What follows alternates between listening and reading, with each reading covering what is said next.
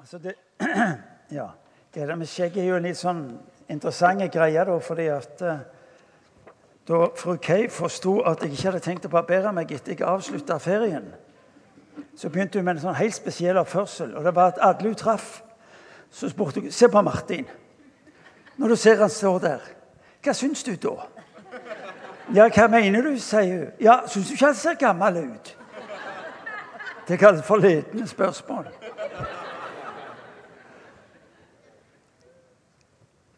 Og jeg sto ved sida av Og nei, at, vet dere de sa alle sammen? Nei, de sa jeg har jo ikke gysla vakker. Så spørsmålet er skal jeg se ung ut, eller skal jeg se vakker ut?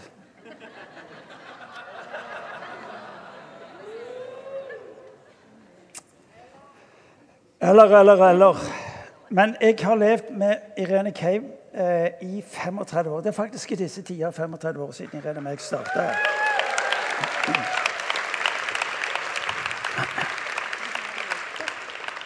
Og det er mange ting jeg har lært i det samlivet. Mange ting. Og en av de tingene jeg har lært, er at den som er utholdende i en klar fokusering, den vinner. Og Irene sin fokusering med hensyn til skjegg, den er rimelig tydelig. Så vi kan ta sånn en gallup på hvor lang tid det går før jeg har vært nødt til å ta det. Men nå, nå reiser Irene og meg sammen med Anne Kristin og Steve til Asia på onsdag. Vi skal besøke både Thailand og Kambodsja.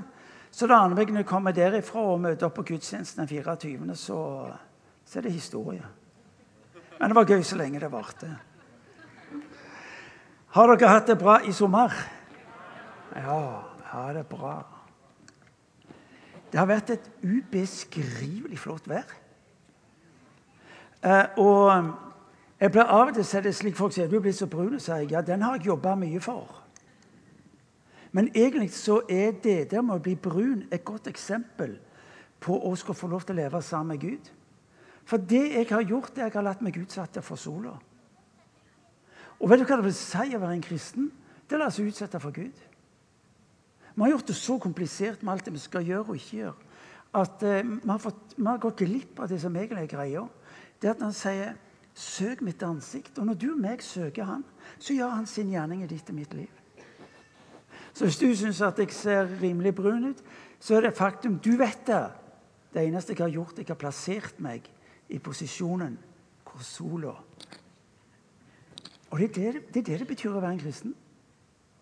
Kristen betyr å omfavne det Gud har for deg. Folkens, det er fabelaktig. Så jeg tenkte at eh, for ikke jeg skal holde på for lenge, så må dere respondere. Og det jeg ønsker rett og slett, det var å høre fra så mange jeg velger tid til.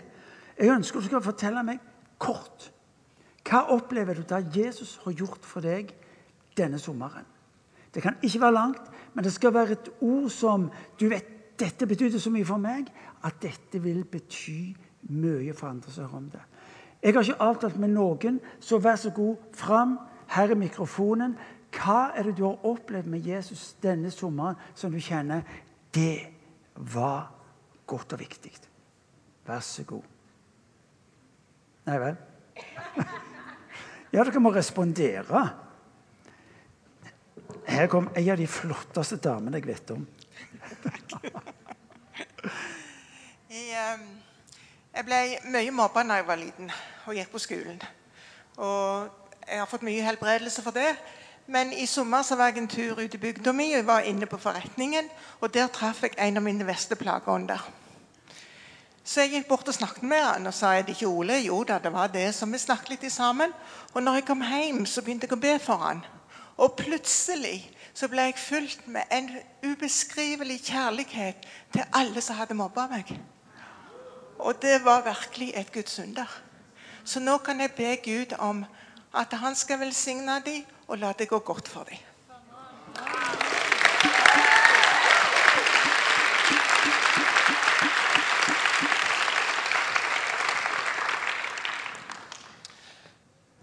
Ja, ehm, jeg sa ehm, når jeg satt her nede, at hvis det ble mulighet, så skulle jeg fram. Ehm, ja.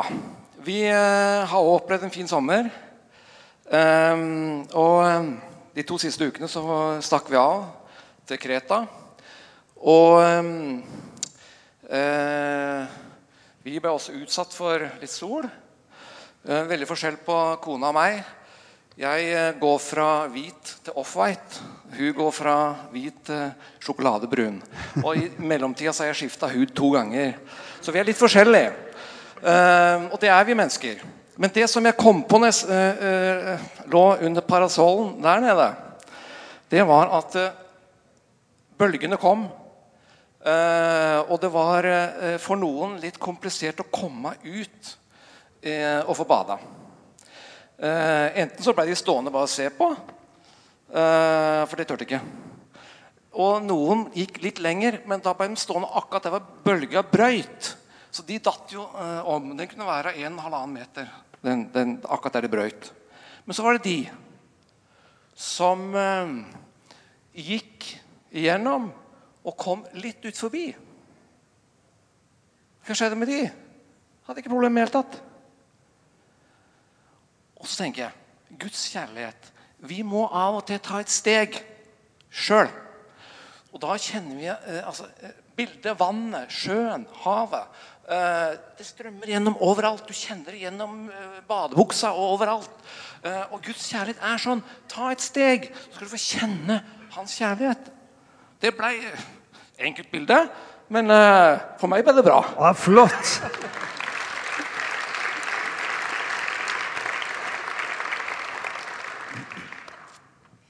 Ja, starten av denne sommeren eh, begynte med mye sol og mye vind. Eh, og det var greit for mange at det var masse sol, men jeg sleit veldig med pollenallergi. Eh, med eh, gresspollen. Og det føyk i lufta. Jeg følte ikke jeg kunne gå noe sted eh, og puste fritt. Eh, jeg gikk til forbønn her fire-fem søndager på rad. Fikk beskjed om bare gå igjen hvis du kjenner noe mer. og jeg kjente mer. Jeg følte eh, absolutt ikke at jeg ble bedre. Men Ja, så det, ja, så kom jeg hjem på ferie. Um, og så en uke etter den siste gangen vi bedt for det, så kjenner jeg det skjer noe i kroppen. Eh, egentlig så føler jeg meg syk en dag. Eller, ja.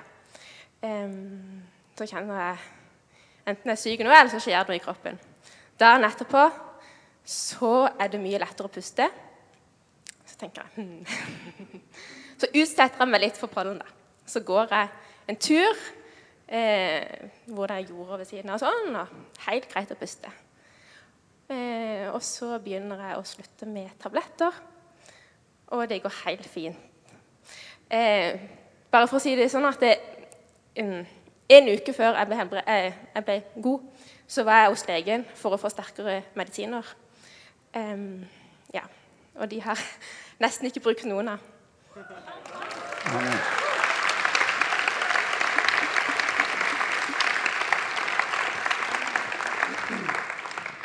Gode bror, du får ordet det siste ordet.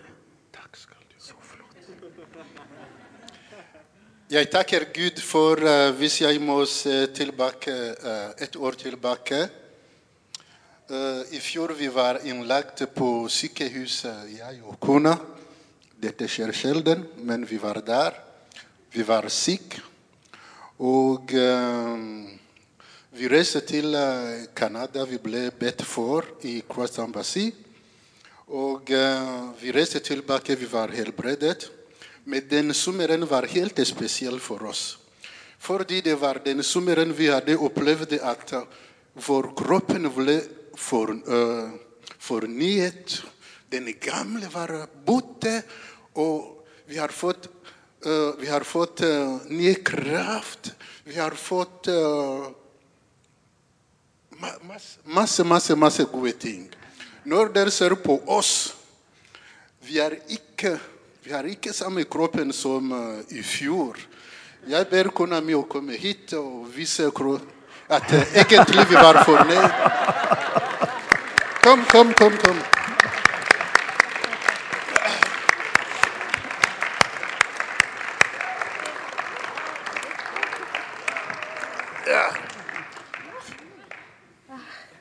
Er det ikke fint? Jo.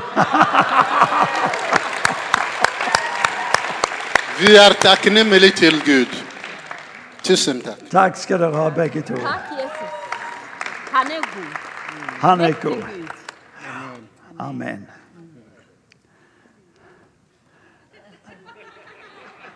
Hva gjør du når døra er stengt?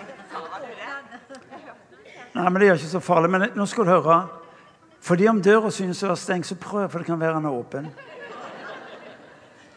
Hei.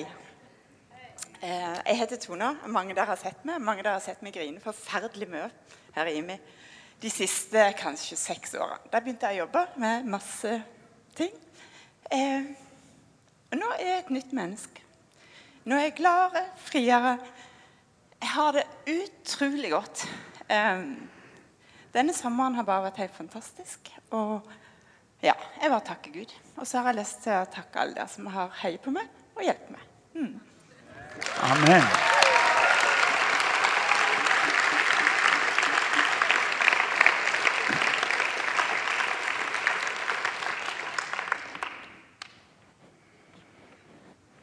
Eh, vi takker. Og så kan jeg eh, tenke meg at vi også skal bruke litt tid til å be sammen. Fordi at eh, eh, vi har hørt om allergi. Ei som ble værende i det hun kjente hun ble invitert til, for så å kunne se at noe skjedde. Gud grep inn. Kanskje sitter du her, og så er du syk, og så har du bedt mange ganger. Vi vil be for deg. Vi vil be om at Gud skal gripe inn i ditt liv på samme måten som du hørte her nå. Vi vil også be for deg som kjenner på, på det som vi hørte om sår påført av andre mennesker, som har gjort så vonde og smertefulle ting med deg. Vi vil be om at eh, Gud skal komme inn der og sette deg, sette deg fri ifra den frykt og den skam som var knytta ikke minst til det samme med mobbing og overgrep.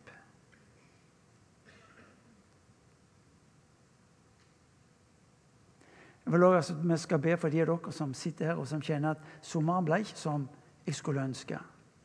Sommeren ble ikke av den karakter som gjør at når jeg i dag møter August, kan se på den og tenke ja, jeg er uthvilt og, og, og kan omfavne det som ligger foran. Fordi sommeren ble ei krevende tid. Eh, jeg tror vi skal gjøre det slik at, eh, at eh, du som er her inne, enten det har med sykdom å gjøre, det har med sår, ting du har opplevd som påfører ditt måte å være for andre, eller du kjenner sommeren den ble ikke som den du skulle ønske den ble, og som du trengte til, kan jeg be dere om å reise dere, og så vil vi som menighet få lov til å be for dere.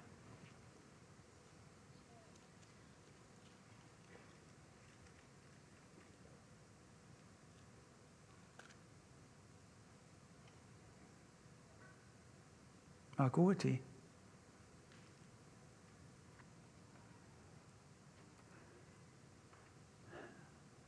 Kan jeg be dere som er rundt de som nå har reist seg, om å legge hendene på dem? Og så trenger dere ikke be om hva det gjelder, men dere skal bare be om Guds velsignelse inn i det som er livssituasjonen for disse. Dere ser hvem det er som står, og så legger dere hendene på de som er syke, og som trenger til, eller som kjenner på sår eller trøtthet etter sommeren.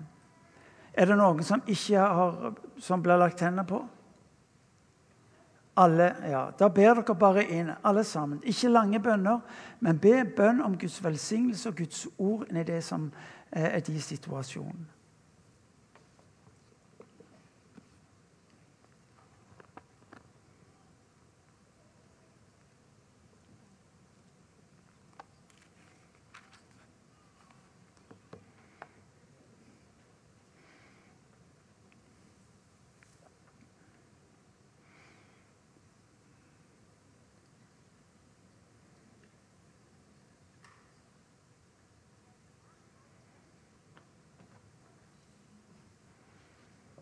Far, vi ber for de som har reist seg. Ber Gud om at de skal bare erfare hvordan de erfarer i kropp og i sjel og i ånd at du er for dem. At du velsigner dem. At du holder din hånd over dem på en slik en måte at du setter dem fri. Far, jeg priser ditt navn. Jeg velsigner de, Herre Jesus. La de bare få kjenne, Gud, at de er hos deg. La de få kjenne, Gud, at den som kommer til deg, eh, blir ikke skuffa. Skal slippe å gå eh, umøtt tilbake. Herre, fordi du er deres Gud. Far, vi velsigner i ditt navn. Ber om frihet, Herre. Ber om nytt mot. Herre, vi velsigner. Jesus, i ditt navn ber vi. Amen. Og folket det sa Amen.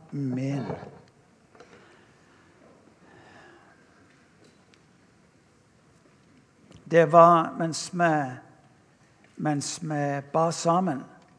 Det gjorde vi ikke mens vi tilba sammen. Eh, hvor er dere henne? Det var nydelig. Ja. Vi kan godt igjen klappe det.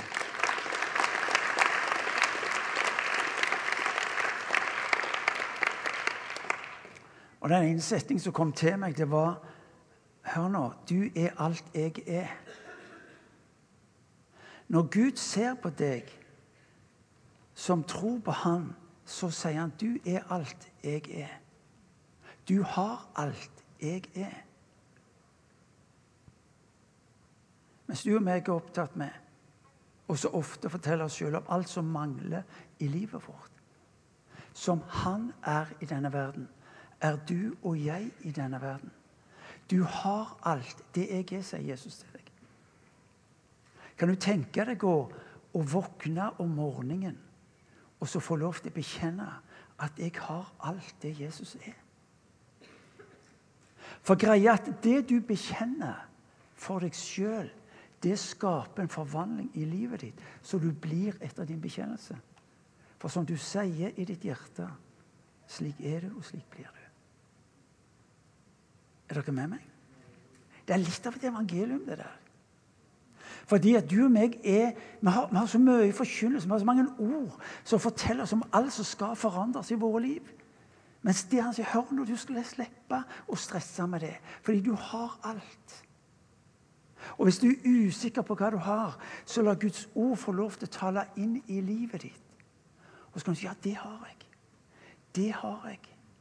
For han sier han har tatt bolig i ditt og mitt liv. Vet du hva? Vi kan gjerne si ja, Ikke for mye, men er du like sånn? For hva legger, du merke til hva som blir din holdning? Hvis du forstår at det er så mye jeg mangler i livet mitt, og, og, du er opptatt med alt det som må på plass osv., da er det det som styrer fokuset ditt. Dere, forstår dere meg? Ja. Men hvis fokuset ditt er 'jeg har alt', jeg har alt det Jesus er, så betyr det jo OK, hvordan skal jeg da få lov til å se dette bli en del av mitt liv? Hvordan leve det ut? Det er jo to forskjellige verdener. Du har alt det jeg er, sier Jesus. For som han er i denne verden, er du og meg i denne verden. Bli i mitt ord, sier han og jeg blir i dere. Jeg kunne ha slutta der. Men eh, pastoren Til dere som ikke er kjent her i huset, jeg heter Martin Cave, en del av pastorteamet. Men han som bestemmer her på gudstjenesten vår, det er Elling. Og han har sagt jeg skal tale ut ifra Johannes tredje brev, så jeg må nesten gjøre det. Så ikke så blir han om en samtale med meg. Lurer på om jeg ikke har skjønt hva vi holder på med. Det er de av dere som har vært på gudstjenesten gjennom sommeren, vet at vi har gått gjennom brevene. Eh, første, og annet og tredje brev i kveld. som eh, apostelen. Vi tror det er apostelen. Tradisjonen tilsier at det er apostelen Johannes. Han som skrev Johannes evangeliet. Den apostelen som levde lengst av alle apostler. Den eneste apostelen som unngikk martyrdøden.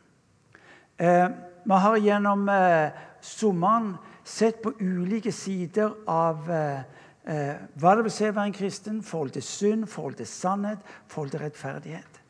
Og eh, Det vi nå skal ta med, det er det siste brevet, eller som det står i eh, de ulike bøkene, den siste boka, som da er bare ett kapittel. Så hør nå godt etter. Den eldste hilser den kjære Gaius, som jeg i sannhet elsker. Min kjære. Jeg ønsker at du på alle vis får være frisk og ha det godt, like godt som du har det åndelig. For jeg ble svært glad da noen søsken kom og fortalte om din troskap mot sannheten, hvordan du lever i den. Ikke noe gleder meg mer enn å høre at mine barn lever i sannheten. Mine kjære, du er trofast i alt Nei, min kjære, du er trofast i alt du gjør for våre søsken, også de som er fremmede. De har vitnet her i menigheten om din kjærlighet. Du gjør en velgjerning verdifull for Gud om du hjelper dem videre på reisen. Det var jo forkynne navnet de dro ut, og de tar ikke imot hjelp fra hedningene. Derfor må vi ta oss av dem, så vi kan være medarbeidere for sannheten. Jeg har skrevet noen ord til menigheten, eh, men Diotrefes, som gjerne vil være den fremste der, vil ikke ha noe med oss å gjøre. Når jeg kommer, skal jeg sørge for at han blir minnet om hva han har gjort. For det onde han sier om oss, er tåpelig. Men han, nøy, men han nøyer seg ikke med det.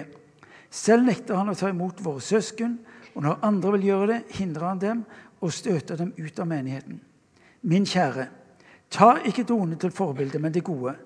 Den som gjør det gode, er av Gud. Den som gjør det onde, har ikke sett Gud. Om Demetrios har alle bare godt å si. Ja, sannheten selv vitner for han. Det samme gjør vi, og du vet at vi vitner sant. Jeg har ennå mye å si deg, men vil ikke gjøre det med penn og blekk. For jeg håper å besøke deg snart, så vi kan snakke sammen ansikt til ansikt. Fred være med deg. Vennene her sender deg sin hilsen. Hils selv vennene, hver enkelt av dem. Tredje brev, som altså gir oss innsyn i eh, en av menighetene i Urkirka. Sannsynligvis, som jeg sa, skrevet av apostelen Johannes. Så sier i hvert fall tradisjonen. Det interessante er at Gaius er et medlem, vanlig menighetsmedlem i menigheten. Og eh, Johannes henvender seg til ham og forteller at han elsker ham. Han bruker et ord, et uttrykk, om en mann som han ikke har den tetteste relasjon til, men som på det personlige planet og i relasjonen av å være en kristen bror har gjort noe med Johannes. Han sier til ham, 'Når jeg ber for deg' Gaius er på Johannes' si bønneliste. Og så ber Han han ber om at han skal få det godt, men han ber også om at han skal ha fremgang. Når det står i, eh, i eh, vers 2 Min kjære, jeg ønsker at du på alle vis får være frisk og ha det godt. Like godt som du har det åndelig. Ordet 'ha det like godt' er et ord som betyr fremgang. Jeg ber om at du skal ha fremgang, og så ber jeg om at du skal ha god helse. Brevet berører, slik jeg ser det i denne omgang, som jeg vil fokusere på, det er tre områder. Det er sannhet, det er kjærlighet, og det er gjestfrihet. Du møter også senere i dette brevet en, det er konflikt. Eh, ikke en læremessig konflikt, men det er konflikt om en mann eh, som velger å ta seg en posisjon som møter noe av selvopptattheten og ambisjoner for makt. Mens andre Johannes brev, det brevet vi leste før her, det var tar et oppgjør med falske lærer. Her med fokus fordi det har kommet folk som forteller at Jesus var ikke Gud, han var bare et eh, menneske litt utenom det vanlige. Og så møter vi i dette brevet en sterk anerkjennelse fra Gaius, som hjelper de folka som nettopp forkynner hva som er sannheten. Så det å se andre og tredje eh, Johannes brev sammen blir viktig. Først noen ord om sannheten. Johannes er begeistra. Og igjen så slo det meg litt grann, det han er begeistra for. Johannes er begeistra fordi at Gaius vandrer i sannhet. Han er opptatt med og takknemlig for å møte Gaius sitt vitnesbyrd fra andre fremmede mennesker. At Når det er snakk om sannhet i Bibels forstand, så er det ikke bare snakk om jo, jeg er enig i sannheten. jeg er enig i det, jo, det er greit, Og så, og så gir man sin tilslutning. Eh, å gi sin tilslutning betyr ikke nødvendigvis at sannheten får lov til å prege og styre livet mitt. Eh, det som vi møter i denne teksten, det er at det er en dypere og dypgående form for sannhet. Men Johannes er ikke opptatt her med om du lyver eller ei. Om du er litt lempelig med sannheten eller ei. Det forventer han. Han spør ikke, eh, Her er ikke spørsmål om å lyve eller om å stjele eller om ikke alltid snakke sant. Eh, det vil nemlig bare være frukten av den sannheten som er i livet ditt. Den grunnleggende sannheten som er i livet ditt. Det sto strid om hvem Jesus var, den gang som nå. Og, Jesus, og Johannes er opptatt med å løfte fram den sanne Jesus. Du vet, du og meg er Det vi pleier å gjøre, det er at vi putter himmelen og Jesus og Gud og hele greia inn forbi våre rammer. Og så blir det veldig ofte slik at vi definerer hvem Jesus er, hva Guds rike, ut ifra våre rammer. Det kalles for definisjonsmakt. Men det er bare dette at Gud kommer til oss og sier beklager, men det er ikke sånn det virker. For hvis du definerer meg ut ifra dine rammer, så er dine rammer for små. De er for trange. De holder ikke mål. Vi putter Gud inn i våre rammer, og så får vi en alskens forskjellige utgaver av både guder og Jesuser. Jesus sier, 'Jeg er sannheten'. Han, han diskuterer ikke. Vi vil si ja, men det er arrogant og sagt. Ja, det bryr ikke meg om. sånn. Jeg er sannheten. Og du definerer livet ut ifra meg, og ikke omvendt. Og Det er det som er selve nøkkelen til å bli værende i det som Gud representerer i denne verden. Jeg er veien, sannheten og livet, sier Jesus. Johannes 14, vers 4. Vil du vite noe om sannheten? Vil du vite noe om sannheten, så må du komme til meg, sier han. Det som er det interessante, er at når du og meg skal få tak i hva som er sant, så begynner ja, hva mener du? Ja, hva tenker du? Ja, hva ser du? Jesus sier én ting. Kom til meg. Vil du vite hva sannheten er, så må du komme til meg. Og det er Noe av dette vi vel sagt inn i vår tid og vår kultur ja, det er rimelig bra arrogant. Og Jesus sier jeg kan leve med det. Jeg kan leve med det. I Johannes eh, evangeliet kapittel 8 jeg kan slå opp i det. Johannes evangeliet kapittel 8 vers 32 eh, så sier, så sier Jesus Eh, hvis dere blir i mitt ord, er dere virkelig mine disipler. Da skal dere kjenne sannheten, og sannheten skal gjøre deg fri. Sannheten om meg. For det ordet du leser, er nemlig meg du leser om. Og når det du leser om, får plass i livet ditt og blir utgangspunkt for livet ditt, da vandrer du i sannhet, som Paulus er opptatt med. Bli i mitt ord, fordi at mitt ord setter fri. Fri fra hva? Gamle tankebygninger. Fri fra hva? Gamle livsmønstre. Fri fra hva? Holdninger jeg har tillagt meg på basis av tankemønstre, av livet jeg har levd. Han setter meg fri, sier han. Han setter meg fri. Til hva? Å bli ham lik. Når du er opptatt med å skulle se forandringen i ditt liv, så sier han til deg som er en Jesus-etterfølger Vet du hva? Du har det jeg er. Når du oppdager sannheten at han som har tatt bolig i ditt liv, faktisk representerer det livet du trenger, så vil dine bønner bli annerledes. Det er strid om Jesus, men her snakkes det om sannhet. Den sannhet som er knytta til Jesus. Fordi at det Jesus representerer inn i denne verden, står det strid om i vår tid. Ja, er han er han sant Gud og sant menneske, som var der tidens spørsmål? Eller var han bare et menneske med litt sånn spesielle evner og egenskaper?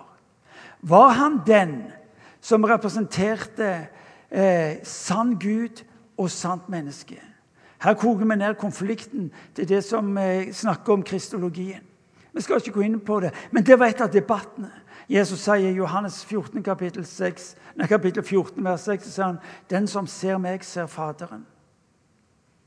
Dette var et av Kirkens store stridspunkter gjennom tiden. Det står strid om sannheter som vi har knytta til Jesus. Eh, er han bare et godt menneske, eller er han noe mer? En har sagt det slik at Jesus er den beste teologi. Hvis du vil ha rett teologi, hva sier Jesus om seg sjøl? Hva sier Bibelen om Jesus? Og så blir det utgangspunktet.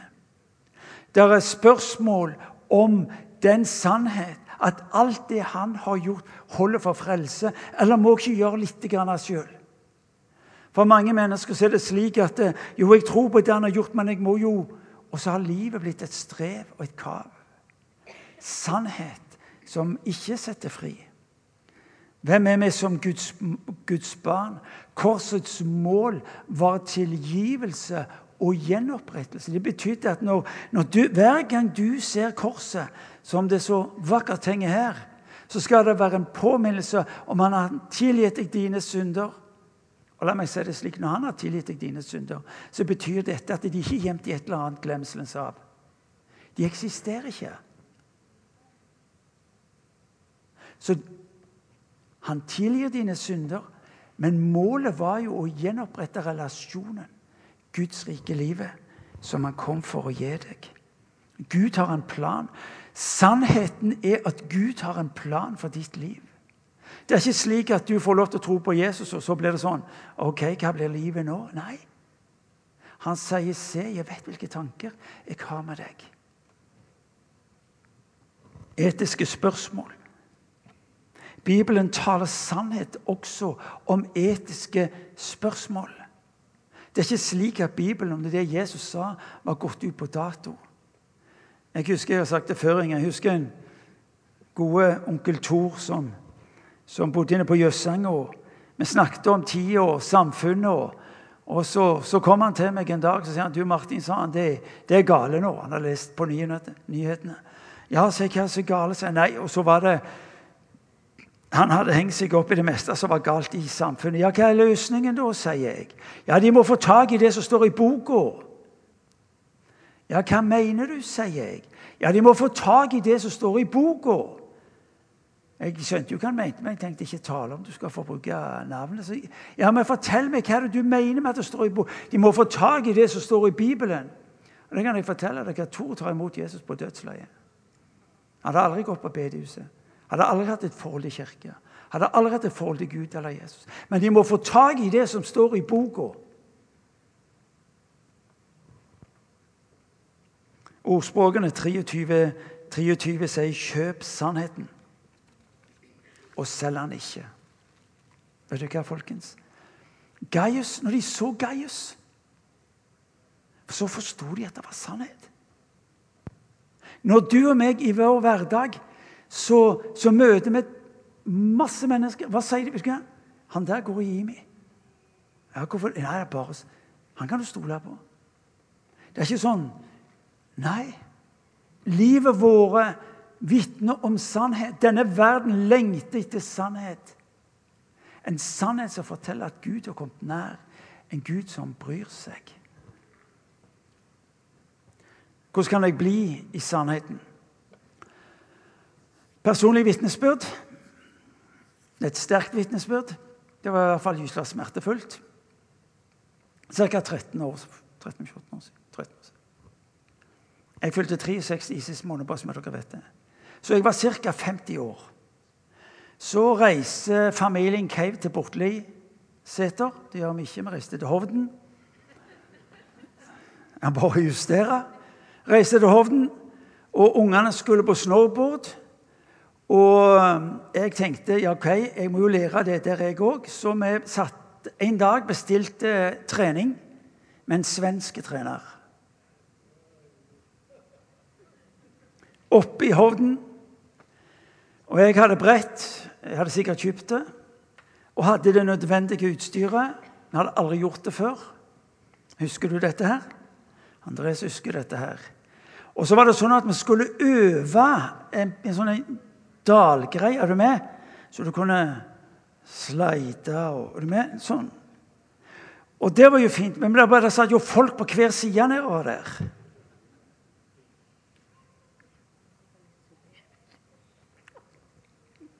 Jeg husker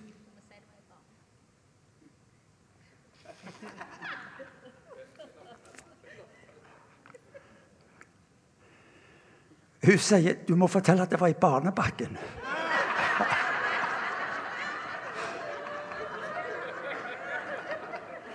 Ja, det har jeg glemt.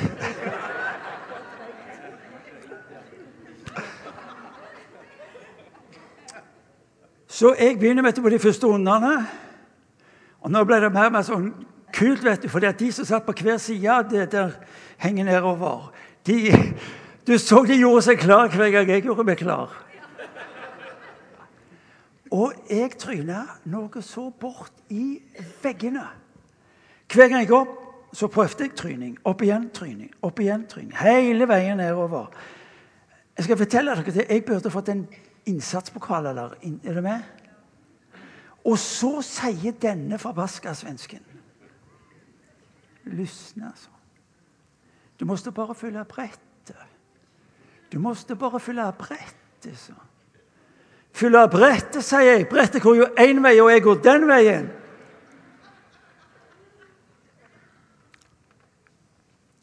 Vet du hva?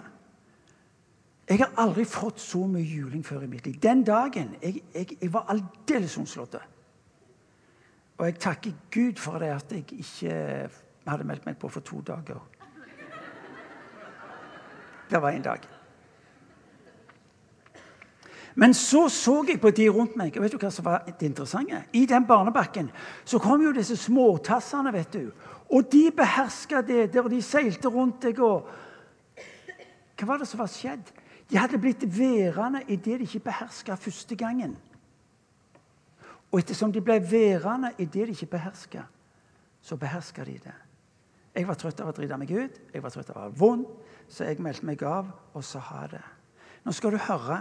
Eh, det å vandre i sannheten er nesten som å prøve snowboard. Fordi at du vil noe annet. Men når du blir værende i sannheten, når Guds ord, som du leste i, leste Johannes evangeliet kapittel 8, vers 32, så hørte du at Guds ord setter dere fri, frigjør dere. Hva da til? Å bli værende i sannheten, slik at det livet som sannheten representerer, kan få lov til å være din hverdag. Bli i mitt ord. Les det, mediter det, spis det. For når du leser det som står i Guds ord om deg, så skjer det en forvandling. Det er godt mulig du har følelsen av at beina er der, og brettene beina er der, og hodet er der. Men bli værende i det. Det er Guds ord til deg og meg i dag. Altså, bli i mitt ord. Hvordan kan jeg bli i sannheten? Jo, ved å bli i Hans ord. Det andre, hvordan kan jeg vandre i sannheten? Jo da, ved å praktisere sannheten. I de små ting. Med vissheten om at grunnen til at jeg sier nei til noe som er galt, ikke fordi at jeg er redd for å bli straffa, men fordi det ikke er rett for meg. Mange mennesker lar være å gjøre det som er galt, fordi de er redd for straffen. Når sannheten blir sentrum i ditt liv, vet du hva? da sier du ikke nei fordi du er redd for å bli straffa. Du sier nei fordi du kan ikke. Jeg vil ikke. Jeg hadde en underlig opplevelse. Jeg var blitt kristen som 17-åring. Og jeg eh, jobba på kaien. Jeg var sjauer, som det heter. Jeg limte, som det heter. Og Det betydde jeg stilte opp om morgenen eh, klokka syv, og så håpte med det kom en båt og så kunne jeg få jobb der. Og En dag fikk jeg jobb. Og det var, Dette var eh, på våren. Jeg hadde vært kristen i seks måneder. Og Det betydde at når de lasta og lossa Klarer du å holde forskjell på de to? Ingen av dere gjør det. Jeg har stadig vekk folk om folk snakker om vi gjør med, med, med loste, men de laster. Ja. Hva er det vi hører for noe? Det som da skjer, det er at jeg skal på en båt, og den losser mye frukt. Og når vi losser, så er det litt forkjært på pallen, og så ryker noen kasser med epler. Og alle de andre kommer jo med bæreposer og hiver oppi. Og jeg ville normalt sett ha gjort det samme. Men idet jeg er på vei til at jeg skal ta eplene, så slår det meg. Hei, Martin. Hva er det du gjør? Ikke fordi jeg var redd for å bli straffa, men fordi at nei, jeg vil følge sannheten. Og de andre så på meg fordi de visste hva jeg hadde gjort tidligere. Sannheten. Vandre i sannheten. Praktisere den. Og du vil oppdage at den setter deg fri. Gaius anvendte sannheten på livet. Integrert tro, lære, liv klinger sammen. Og hør nå sannhet er ikke tvangstrøya. Eh, sannheten er jo selve greia som løser ut livet. For når du oppdager flere sannheter om hvem Jesus er, hva han har gjort, og hvem han er i ditt liv, så er det jo, er det jo liv som frigjøres.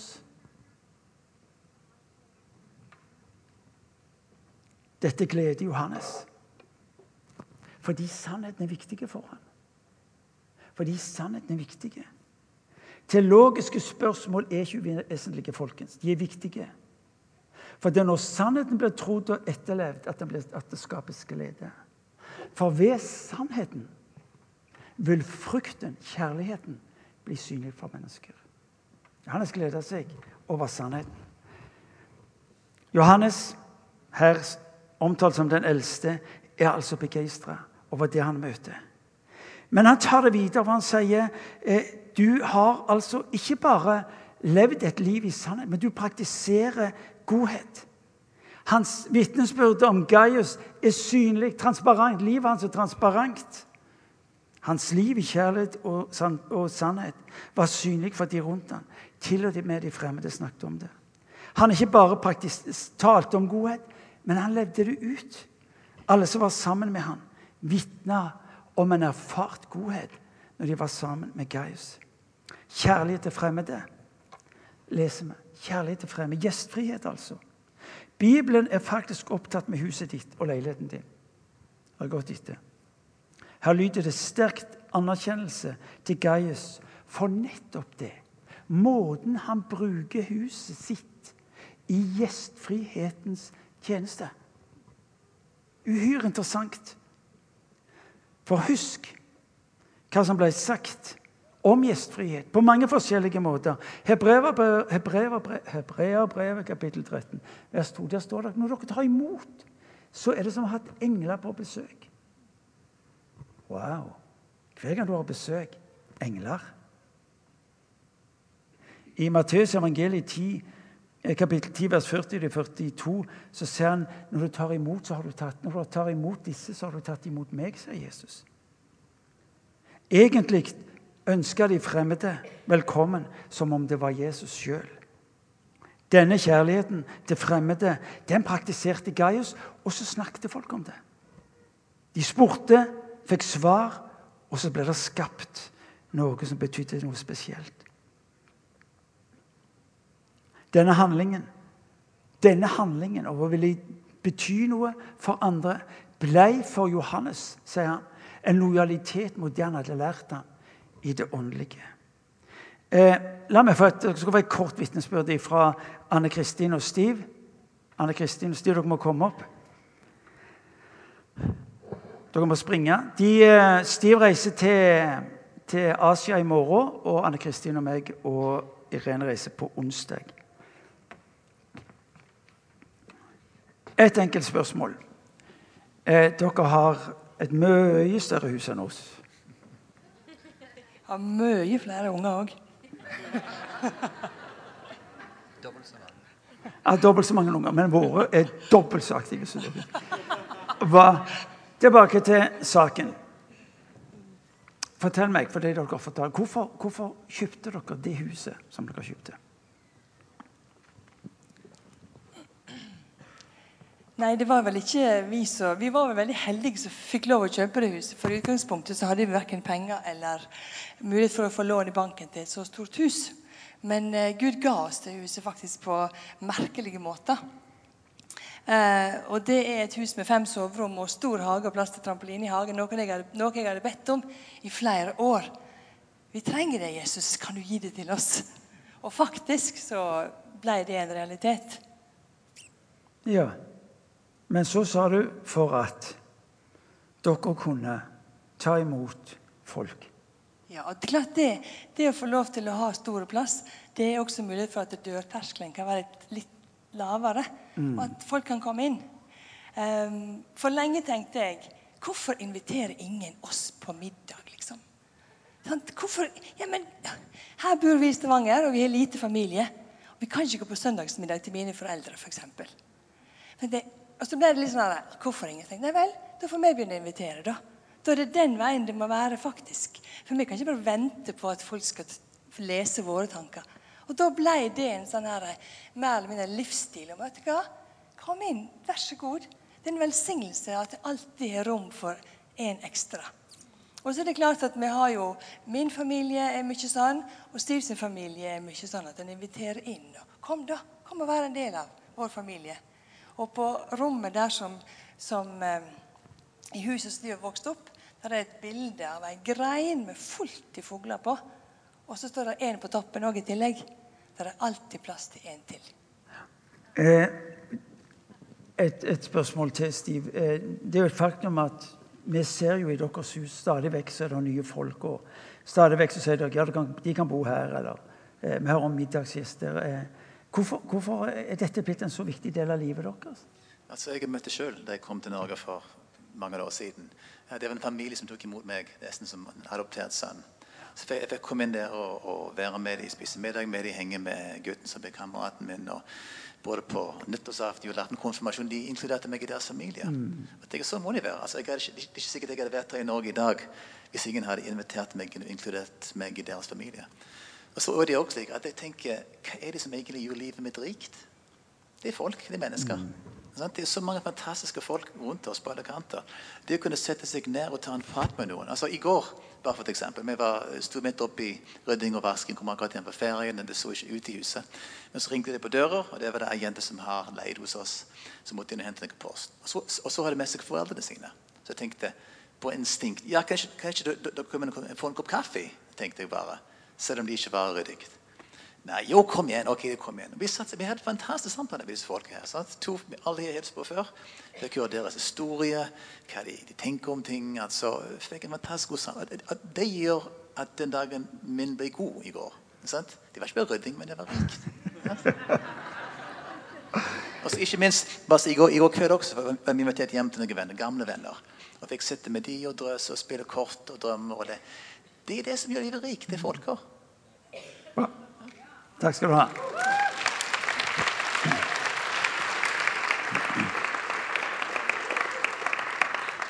Gaius får høre på sitt liv. vet du hva?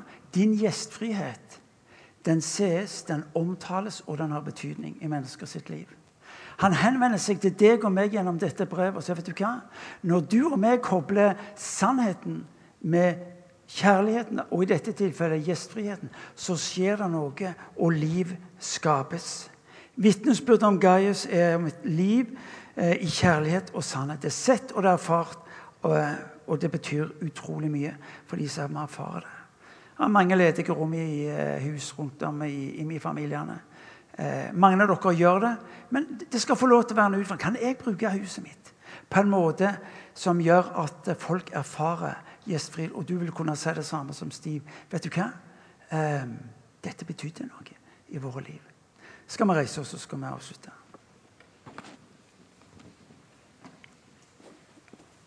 Hva lærer vi av, av, av, dette brevet?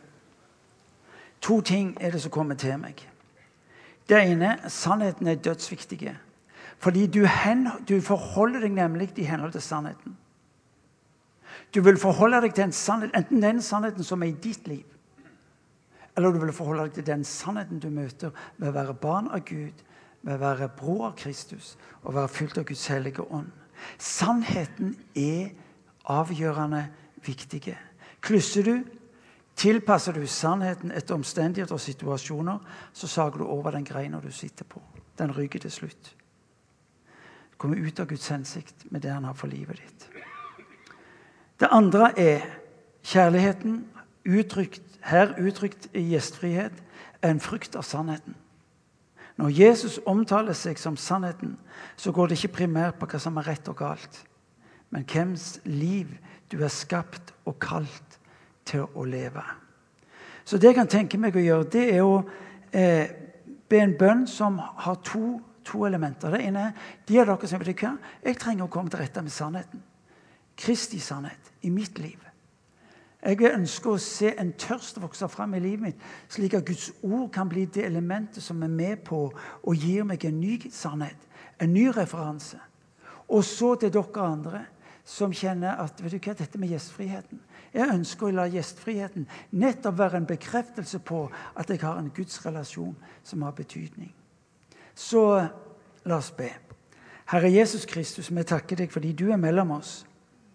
Takker deg fordi du er sannhet. Takker deg for dette gedigne at du sier at du er sannheten. Men du sier også at når vi blir i ditt ord, så skal sannheten forvandle våre liv, og vi blir likedannet med deg. Far, kom til den enkelte av oss som er i kveld. Og vi ber Gud, vi ber Gud om å få lov til å være et folk hvis vitnesbyrd er sannhet. Ikke politi. Ikke de som gikk rundt og uh, arresterte. Men en sannhet som representerte liv, som representerte et nærvær av din godhet. Så ber vi for også om at, å få se eh, en gjestfrihet forløst mellom oss på et nytt nivå. For vi ber om å få se eh, din kjærlighet synliggjort i det så konkrete at mennesker begynner å erfare en forskjell fordi at gjest, gjestfriheten traff dem. Far, vi tilber deg med å opphøye ditt navn. Vi ber far om å få lov til å være et folk som ser denne byen berørt på en måte som Gaius demonstrerte. Herre, vi ber om å få se våre liv, Jesus, bli en mulighet til å se mennesker erfare at du er god. Vi ber, Herre Jesus, i ditt hellige navn. Amen.